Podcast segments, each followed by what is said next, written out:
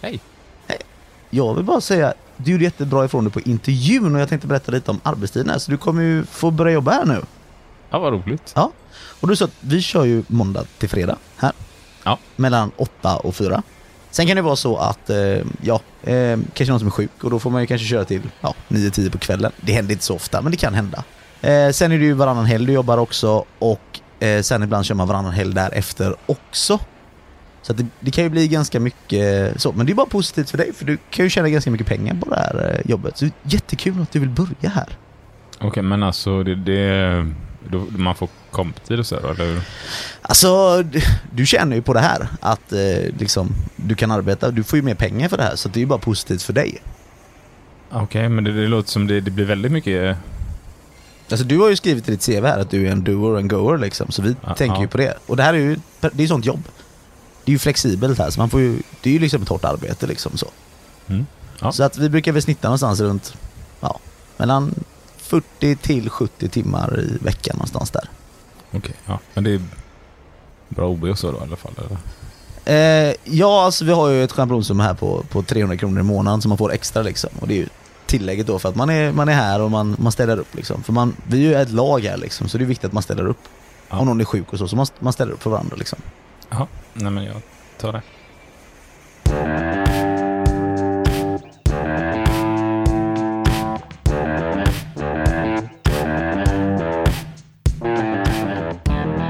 Varmt välkomna till Fuck You Podcast specialavsnitt som görs i samarbete med LO och ABF. Ja, alltså Fuck You Podcast med A. Precis. Vi är lite göteborgare vi nämligen. Vilka är vi? Jag heter Sebastian Borssén och är montör och klubbordförande. Mitt namn är Jim Tellefsdal och jag är lastbilsplåtslagare och klubbordförande. Och jag heter Isak Ekblom och är bilplåtslagare och klubbordförande. Och vi är ju alla tre IF Metallare, men driver Sveriges mest lyssnade tvärfackliga podcast.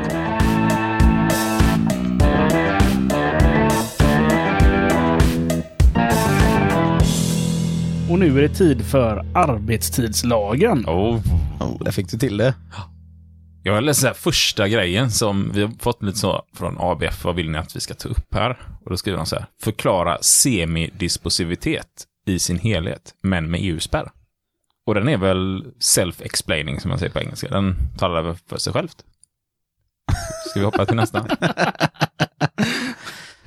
Nej, vi får förklara vad det är för något. Arbetstidslagen är alltså vad man brukar kalla en semidispositiv lag. Men den har också en EU-spärr. Och för att förklara det enkelt, disposivitet är när någonting går att förhandla om. Och då talar vi om att det går att förhandla till det bättre för oss. Man kan förhandla bort något genom att få någonting annat eller Mm. ja, på något sätt få till så att vi är nöjda och tycker att det fungerar bra. Arbetstidslagen är en sådan lag. Men sen finns det också en EU-lagstiftning i botten. Som vi helt enkelt inte får göra försämringar mot. Precis. Det handlar om att man här kan göra undantag, men alltså man kan ju inte säga att här i Sverige får vi jobba 80 timmar ja, det skulle, i veckan då. Det skulle man ju kunna göra, men då ska man ju vara ledig veckan efter exempelvis då. Då har man ju gjort den här dispositiviteten, att den är fortfarande jämbördig. Det är ju alltså inte en försämring då emot lagstiftningen. Så veckovila, dygnsvila, lite sådana grejer. Vi kommer komma in på det under lagens gång. Där har vi några sådana här minimigränser från Mm. EU-lagstiftningen. Och det är ju gränsfall. Så här är väldigt viktigt när man pratar arbetstidslagen. Kolla i ditt kollektivavtal vad det står gäller för just arbetstiden. För de timmarna, tiden som vi kommer prata här, det kan finnas helt andra saker i, i, i ditt kollektivavtal. Exempelvis i mitt kollektivavtal, där jobbar jag bara 38 timmar. Och det är heltidsmått. Och det finns ju en hel del så här olika åsikter kring EU och EUs lagstiftan och allt sånt där. Men, men ska vi titta på det lite krasst så precis som svenska modellen att vi bestämmer att eh, inom Sveriges gränser får man bara konkurrera på de här villkoren. Mm. Likadant så jobbar man inom EU med EU-lagstiftning. Så att inte ett land säger att "Ja, men i det här landet så jobbar man 330 timmar i månaden. Mm. Och vi kan hålla fabriken uppe dygnet runt. För då Med samma kommer, person liksom. då kommer fabrikerna garanterat att flytta ifrån vårt land. Mm. Så att eh, på ett eller annat sätt så behöver vi jobba internationellt med sådana frågor. För det ser vi ju att fabriker flyttas ibland också utanför Europa. Precis. Just nu har vi varit inne i en tid där det varit rekord. Det är alldeles för mycket fabriker som har flyttat tillbaka till Sverige som det har varit just nu. Och det är kul tycker jag. Ja. Men vi tar och hoppar in på arbetstidslagen och så kan vi väl börja med den här paragraf 1 som vi alltid brukar börja med. Ja, Ja, men paragraf 1 och paragraf 2 egentligen, kan vi säga. De talar om vilka gäller den här lagen för och det är i princip alla på arbetsmarknaden här också som utför arbete åt en arbetsgivares räkning. Men så ska man också med sig att allmänna skyddsbestämmelser av betydelse för förläggning av arbetstid finns i kapitel 2, paragraf 1, arbetsmiljölagen också. Så att det är jätteviktigt att vi tar och tittar och läser i arbetsmiljölagen när vi ska jobba med arbetstider. Ja, precis. För den reglerar en hel del. Bland annat att arbetsmiljön ska vara tillfredsställande. Och då tittar man ju över att arbetsmiljö är ju även arbetstid. Teknik, arbetsorganisation, arbetsmiljön ska utformas så att arbetstagaren inte utsätts för fysisk eller psykiska påfrestningar. Och då tar den även om att exempelvis nattarbete, och kvällsarbete, konstiga tider, delade turer är sånt som kan påverka. Så det ska vi ta hänsyn till när vi jobbar med arbetstider. Men då får man lyssna på arbetsmiljölagavsnittet för att få lite mer fördjupning i det. Eller läsa arbetsmiljölagen. Och det kan man ju även göra i Fuck You Podcast. Så har vi en längre där Ronny Mattsson från Grafiker och Skogsförbundet är med och pratar arbetsmiljölagen i säkert tre timmar. Ja, det är två avsnitt i alla fall. Två avsnitt. Undantagen då? Ja, men det är exempelvis arbete som utförs under sådana omständigheter att det inte anses vara arbetsgivarens uppgift att vaka över hur arbetet är ordnat. Och det kan vara som så att man har förtroenderapportering, att man själv fyller i sina arbetstider. Ja, eller att man har en företagsledande roll, liksom. Att man Ja. är vd eller ja, någon chef. Precis. Arbete som utförs i arbetsgivarens hushåll. Eh, fartygsarbete, skulle det kunna vara. Eller arbete som omfattas av lagen arbetstid vid visst vägtransportsarbete. Och då är det regeringen som tittar på undantag här för exempelvis fartygsarbetet och då kan de göra andra regler och bestämmelser. Det godkänner den här lagstiftningen. För övrigt så gäller den här för allihopa. Ja, Ska vi dyka oss in i den? det gör vi. Men Jim, hur mycket får man arbeta egentligen? Det reglerar paragraf 5 och då är det 40 timmar i veckan. Men när det behövs och med hänsyn till arbetets natur eller arbetsförhållandet i övrigt så får arbetstiden uppgå till 40 timmar i veckan i genomsnitt för en tid av högst fyra veckor. Och det är när vi pratar om ordinarie arbetstid. Sen finns det ju det här djävulens påfynd också, övertiden. Du lägger ingen värdering i det? Nej, jag lägger ingen som helst personlig värdering i det. Nej. Vad gäller där, Jim? Ja, men där är det, när det finns särskilt behov av ökad arbetstid så får övertid tas ut med högst 48 timmar per arbetstagare då. Under en tid av fyra veckor eller 50 timmar under en kalendermånad. Dock med högst 200 timmar under ett kalenderår. Alltså allmän övertid. Och här är det ju superviktigt att man tittar i sitt kollektivavtal, för det här är en sån sak som kan vara reglerad i kollektivavtalen, där det exempelvis kanske är max 100 timmar. Eller 150 timmar. Det kan det vara. Varför inte noll timmar? Men du lägger ingen värdering i. Ingen, ingen värde, värdering i ingen det. värdering i det. Sen finns ju din favoritgrej också Isak.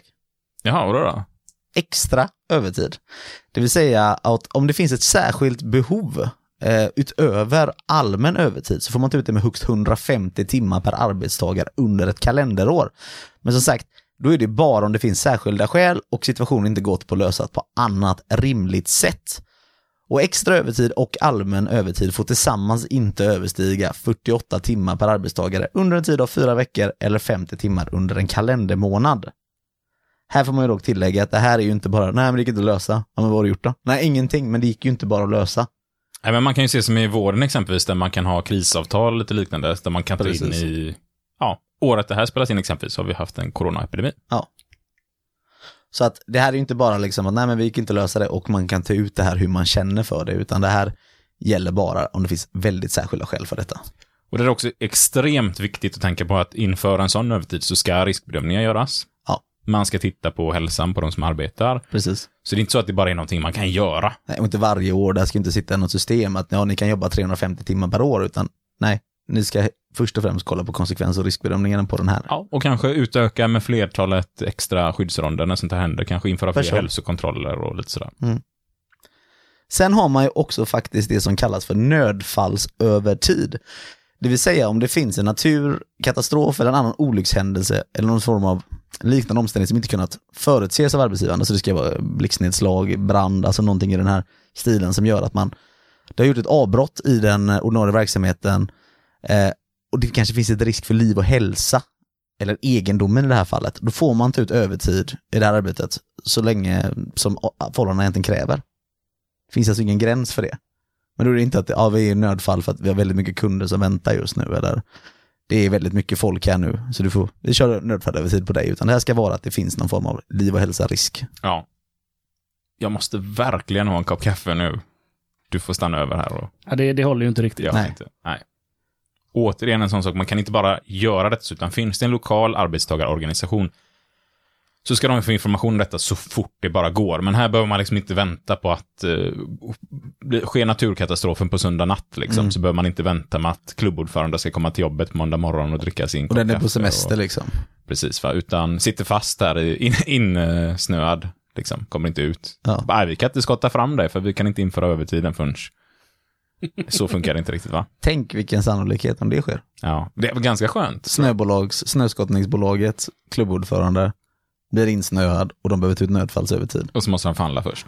Ja. Nej, så fungerar det inte i praktiken. Utan här kan arbetsgivaren i alla fall ta ut det, men så fort det bara går. Så fort man har skottat ut ordförande här så... Eller telefonsamtal. Vi lever ju ännu i den tiden där telefonen finns. Ja, det sa du någonting. Ja, men här är, det- här står ju reglerat i lagen, det här, att man ska underrätta. Så det är ju ingenting vi bara tycker, utan det står faktiskt reglerat här i lagen att det är så det ska vara. Precis. Mm, det var paragraf 9 i alla fall. Mm. Och nu tycker jag vi släpper det här med övertid. Mm. Och så går vi in på ett annat begrepp som är väldigt snarlikt egentligen, men eh, bra mycket mer sämre egentligen, skulle jag kunna säga. Ja, jag kan hålla med om det. Och det är deltidsanställningarnas övertid, som inte är någon övertid. Precis. Utan det är mertid kallar man det. Ja. Kan du förklara det begreppet lite? Alltså, vi säger att man har en 50-procentig anställning. Och för att komma upp till då 100% om man säger att här är liksom en skälig lön eller vad man ska säga, då får du bara den tiden du arbetar. Mer tid, alltså mer lön upp tills du kommer om till heltidsmåttet innan du får ut någon form av övertidsersättning. Om inte något annat finns avtalat på arbetsplatsen. Pre- precis. Men det är sällsynt. Så det krävs ju alltså att du, du, du ska överstiga din ordinarie arbetstid, om det då är 50%. Då ska allting som är över där, det kallas mertid. Det som dock skiljer lite här, om inte det kanske står annorlunda i just ditt kollektivavtal, det är att eh, det är ingen övertidsersättning som gäller. Utan du får bara lön för den tiden som du arbetar mertid. Och det här kan man ju då göra med högst 200 timmar per arbetstagare under ett kalenderår. Mm. Så det, går ju fortfarande inte att göra det hur mycket som helst, men Och likadant 48 timmar på en fyra veckors period eller 50 timmar på en kalendermånad. Så här är ingenting, det är bara att ta ut och köra, ja, men man anställer bara folk på deltid. Som det här stora matvaruaffären gjorde. De vill att alla ska göra det, för man skulle bara kunna tillämpa att man, man jobbar mertid där, så slipper man betala någon form av övertidsersättning. Ja, då finns det ju begränsningar, att du inte får jobba mer under en vecka eller under fyra veckor och sånt i tiden i alla fall. ja. Och viktigt att gå in, jobbar ni i en bransch där det finns mycket deltidsanställningar så är det jätteviktigt att läsa på de här, och det är paragraf 10 och 10a egentligen. Ja, och 10A reglerar ju extra mertid. Men det är samma sak som det var med övertiden. Det är ytterligare 150 timmar per år. Så länge man inte överstiger en heltidsanställning. 10b. Ja. Bra läsa också. Mm. Ska vi hoppa vidare här då till eh, anteckningarna om jourtid, övertid och mertid? För att när vi jobbar så här, då är arbetsgivaren enligt paragraf 11 i arbetstidslagen skyldiga att föra anteckningar om jourtid, övertiden och mertiden. Och arbetstagarna har själva rätt att ta del av de här anteckningarna. Så att man ska alltså kunna be sin arbetsgivare säga, jag vill veta hur mycket jag har jobbat över i år eller hur mycket mertid har jag haft och sådär. Ehm, och det är återigen här så står det till mig i lagen att det är regeringen eller den myndighet som regeringen bestämmer som meddelar föreskrifterna om hur sådan anteckning enligt första stycket ska föras. Mm. Och det är Arbetsmiljöverket som bestämmer reglerna kring hur detta ska se ut. Precis. Så det här är liksom inte bara, men jag har skrivit ner det på en post-it-lapp, utan man får titta hos Arbetsmiljöverket. Hur ska detta, hur ska man kunna läsa det här och se detta? Ja, och sen så står det också i lagen att även fackliga organisationer som företräder arbetstagarna på arbetsstället har rätt att se de här journalböckerna. Alltså föra statistiken, kontrollera så att arbetsgivaren efterfyller. Så att vet ni med er på er arbetsplats att ja, här finns det mycket övertid, här finns det mycket mertid om vi har deltidsanställningar, här behöver vi mycket jour. Kolla då i de här journalerna och se. Alltså jag kan bara tala från egen erfarenhet. Jag, eh, vi har ju övertid på min arbetsplats. Eh, och eh, jag får ju det skickat varenda månad med varenda anställd hur mycket övertid de har jobbat just under den månaden, hur mycket komp har de tagit ut i motsvarande för att se så att det här efterlevs, så att de faktiskt sköter detta. Och ha för vana att ni ser till att, har ni samverkansmöten eller månadsuppföljningsmöten eller något sånt här, Enligt MBL så ska man ju ha sådana möten. Medbestämmandelagen. Medbestämmandelagen. Se till att det här är en sån punkt som ligger med. Så att man varje månad eller kvartalsvis i alla fall får se en rapport. Hur mycket övertid har det varit? Precis. För då kan ni också föra, se om det här. Har det varit mer än 50 timmar den här kalendermånaden? Eller 48 timmar under fyra veckors period? Då kan ni se detta. Har folk kommit upp redan i den här övertiden som man får ta ut? Ska vi släppa det här med övertid och medtid och grejer då? Ja.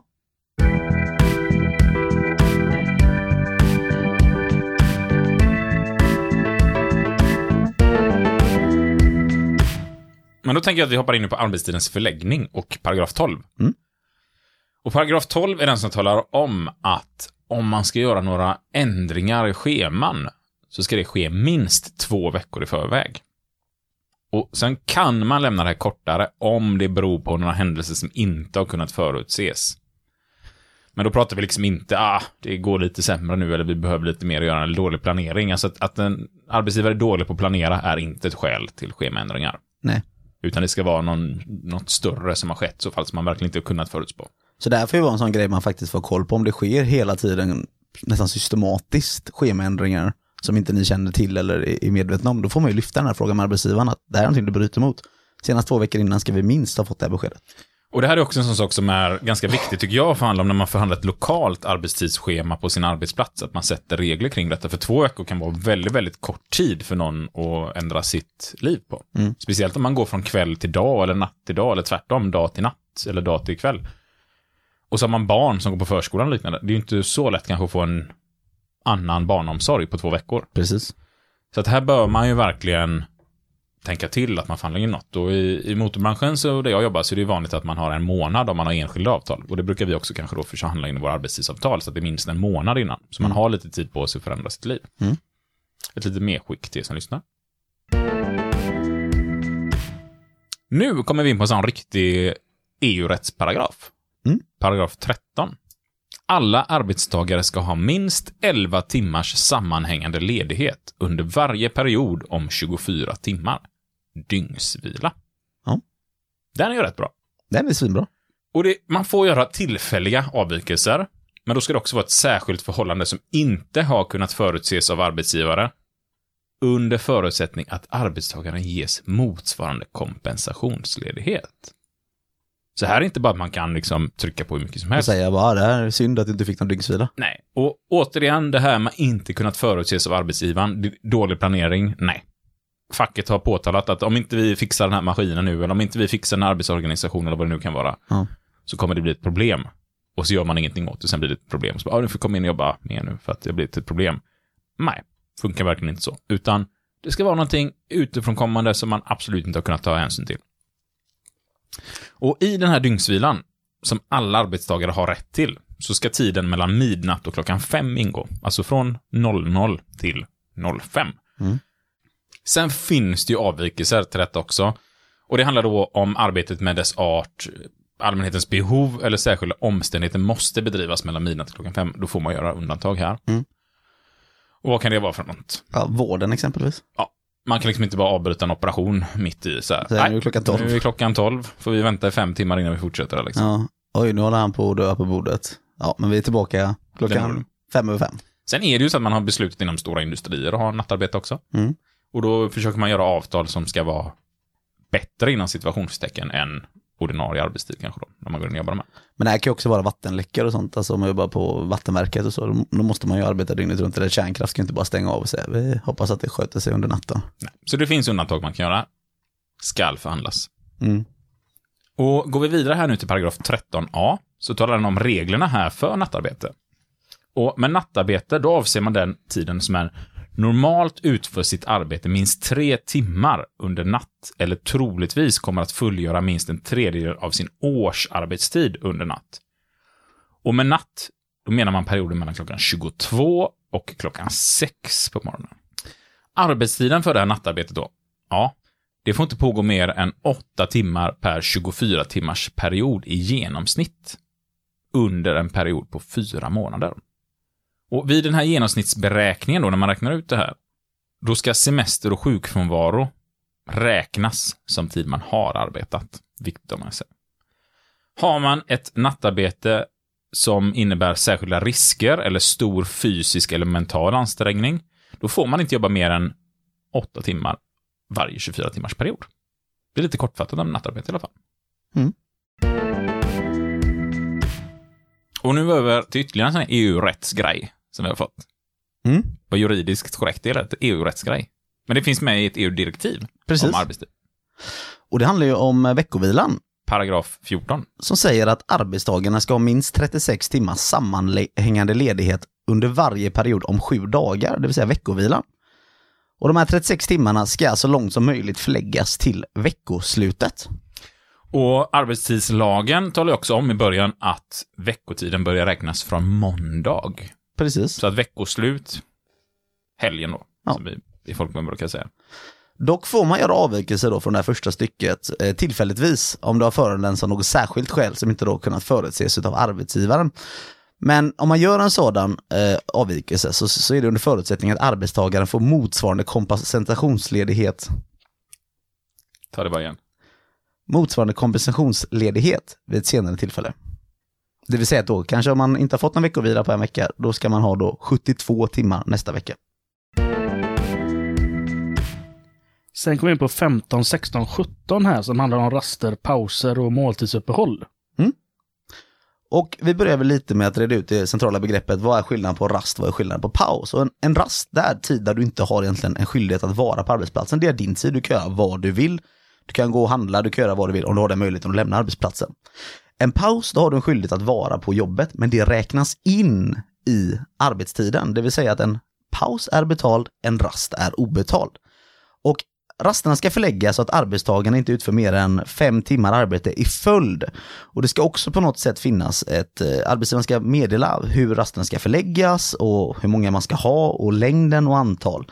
Och det ska vara då tillfredsställande för arbetstagare med hänsyn till arbetsförhållanden. Alltså har man ett mer ansträngande arbete så kanske man ska ha mera rast om det är det man behövs. Sen kan det vara så att eh, man har ett väldigt krävande jobb och då kanske man behöver paus istället. Alltså det kan vara mikropauser på två, tre minuter om det är det man godkänner att ja, men du har ingenting att göra under den här tiden. Säg att du jobbar i tillverkningsindustrin. Ja, nu, nu är det maskin går, du kan sitta i två minuter eller vad det nu än kan vara. Det kan vara på olika ställen de här mikropauserna. De ska räknas in i arbetstiden, man inte ska ta korta sådana. Och ska vi följa arbetsmiljölagen och titta på att ja, arbetsmiljön ska vara beskafflig för alla arbetare. Ja. Då kan jag säga att det finns väl inga arbeten där man inte skulle behöva kunna ta ut pauser. Precis. Så, så jag tycker att det här med fem minuter paus per timme ungefär, det är ganska rimligt oavsett vad du jobbar med. Så har du Exakt. ett hårt fysiskt arbete så behöver du vila kroppen. Har du ett arbete du sitter, ja, då behöver du aktivera kroppen. Ja. Så nästan vad man än gör så behöver man ju ha möjligheten till att ta ut de här pauserna. Och det här är en grej som oftast glöms när det kommer till pauser. Vi är väldigt duktiga på att se till så att vi får ut våran rast, eller arbetsgivarna är väldigt duktiga egentligen på att se till så att rasten delas ut. Att du, du får din rast obetald, för det har du laglig rätt till. Men pausen, den är de väldigt dumma, för det är egentligen vår återhämtning och allt arbete kanske inte kräver att man ska jobba yttersta in på minuten, utan du ska ha möjligheten till pausen. Precis som du säger, jobbar du framför en dator, då behöver du resa dig upp. Och det ska du göra enligt arbetsmiljölagen var femte minut och då kanske det är dumt att du ska ta ut rast då, obetalt var femte, eh, fem minuter i timman liksom. Utan det ska vara en paus där. Sen är det ju så man har rast, och då brukar vi oftast tänka rast, om då kanske man har en fikarast, alltså frukost, sen kanske man har en lunchrast eller middagsrast eller vad det nu kan vara. Och det kan vara så att man får byta ut rasten mot måltidsuppehåll. Och det kan ju vara så att man har en maskin man ska stå och kolla på, eller det är någonting som gör att man kan inte lämna på sin måltidsrast och åka någon annanstans, utan man måste stå och övervaka någonting. Det kan vara ett kärnkraftverk eller någonting. Och då säger man att ja, men då får du vara på arbetsplatsen och eh, äta. Och det kallas måltidsuppehåll. Men även måltidsuppehållet ska räknas in i arbetstiden.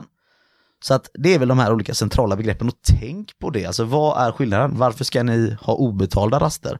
Alltså det är som, jag kan utgå för mig själv. Jag jobbar ute i ett industriområde. Det finns inga butiker, inga affärer, ingenting på ganska lång sträcka. Vad ska jag med en timmas eh, lunchrast till? Det blir väldigt konstigt. Jag kan ju inte åka och handla någonting för då hinner ju hela rasten gå åt. Så vad, vad behöver jag rast till egentligen? Nej, normalt sett så tjänar vi arbetare inte så mycket att man har råd att åka och handla varje dag heller. Så, så kan det ju vara. Det kanske inte är hållbart. Men, men rent tidsmässigt så blir det väldigt onödigt och då kanske det är bättre. Så vi har exempelvis förhandlat in en del på min arbetsplats i pauser. Så här frukostrast, den är bara mm, 20 minuter. Och då sitter jag ju på arbetsplatsen och jag kan vara beredd att hoppa in om det behövs någonting. Men det, det, det är ju bättre för oss, vi blir ju tekniskt sett mindre i arbete men vi är ju på arbetsplatsen fortfarande samma tid. Och man får också en återhämtning som vi behöver. Så att fundera på det här, vad behöver ni verkligen ha för rast? Och vad behöver ni ha för paus? För det, är det, är vi glömmer det oftast i, i de här begreppen liksom. Och beroende på hur fysiskt ansträngande jobbet är, hur mycket raster behöver man, hur mycket möjligheter har man till att ta ut pauser. Alltså jobbar man någonstans där man hela tiden har möjlighet att ta ut pauser, då kanske man klarar sig på en väldigt kort rast, bara en per dag. Ja. Om man har ett väldigt fysiskt tungt jobb, men det kanske behövs två raster på dagen och sen massa pauser däremellan. Så det, det kan ju vara stor variation och det vet ni bäst på er arbetsplats där ni befinner er. Precis. Har vi egentligen rätt ut hela arbetstidslagen i princip? Sen så fortsätter det här med sanktionsavgifter och tillsyn och överklagande i arbetstidslagen. Men det, jag tycker inte det är någonting vi behöver fördjupas i så här i en grundutbildning, utan det är väl någonting man kan fördjupa sig mer inom. Man kan ju lyssna på vårt avsnitt om arbetstidslagen också som vi har gjort i Fuck You Podcast. Där djupdyker vi lite mera i. Ja, där går vi igenom alla paragrafer. Nästan alla lagar vi tar upp så läser vi igenom alla paragrafer och Mm. reder ut varenda paragraf. Vilket också gör att det blir lite längre avsnitt. Precis. Vi pratar lite domar och lite förord. Och lite exempelvis. strunt. En hel del strunt. strunt pratar vi också i de avsnitten. Ja. Så det kan man rekommendera om man vill fördjupa sig mer i det här. Men tänk på det, för vi kör alltid ett litet medskick. Kolla i kollektivavtalet vill jag säga egentligen. För där står det oftast mer branschanpassade eh, svar på just de här frågorna kring arbetstiden. Ja, och jag vill skicka med den här funderingen när ni förhandlar arbetstider. Varför har vi arbeten? Varför finns arbeten överhuvudtaget? Har vi massa arbeten för att företag ska gå så bra som möjligt? Eller har vi hittat på arbetena för att samhället ska utvecklas och bli så bra som möjligt? Kommer vi nu fram till att, vilket jag hoppas att de flesta gör, att arbeten finns till för att underlätta samhället och göra samhället bättre och utveckla samhället, då kanske inte arbetstiderna ska gå före individens eh, liv och våra barns liv och sådär, utan eh, man kanske ska ha stora möjligheter att anpassa sina arbetstider ut eh, efter sitt liv. Det tycker jag man ska ha med sig in i en diskussion om arbetstider. Sen går inte det överallt, men där man kan så tycker jag man ska ha så stora friheter som möjligt i arbetstiden. För vi jobbar ju inte för att jobba, vi jobbar för att samhället ska utvecklas. Och jag hjälper till att fylla i Sebastians eh, kolla i ditt kollektivavtal. Därför det är väldigt ofta det är reglerat eh, där istället. Ska vi nöja oss så, så länge då? Det var dagens. Eller På- det här på- avsnittet. Ja, på återhörande, som vi brukar säga. Ja. Ha det fint! Ha det gött! Nej.